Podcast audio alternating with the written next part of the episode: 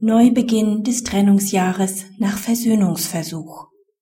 Ein Versöhnungsversuch im Sinne des Paragraphen 1567 Absatz 2 BGB ist bis zu einer Obergrenze von drei Monaten denkbar.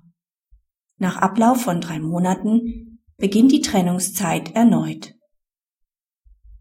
Der Ehemann stellt einen Antrag auf Scheidung und begehrt hierfür Prozesskostenhilfe.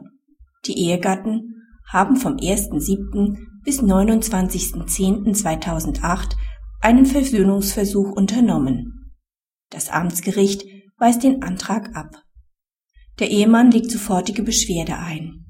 Das Oberlandesgericht weist diese zurück. Der Versöhnungsversuch von über drei Monaten hat zur Folge, dass das Trennungsjahr mit dem 29.10.2008 neu begonnen hat. Der Antrag ist damit verfrüht.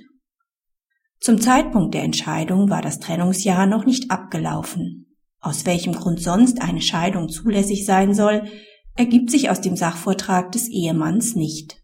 Praxishinweis. Für die Jahresfrist des Paragraphen 1565 Absatz 2 BGB sind drei Monate nach gefestigter Rechtsprechung die Obergrenze. Ob das Zusammenleben für diese Zeit der Versöhnung dienen sollte, ist jedoch je nach Substanziierung des entsprechenden Sachvortrags gegebenenfalls im Rahmen einer Beweisaufnahme zu klären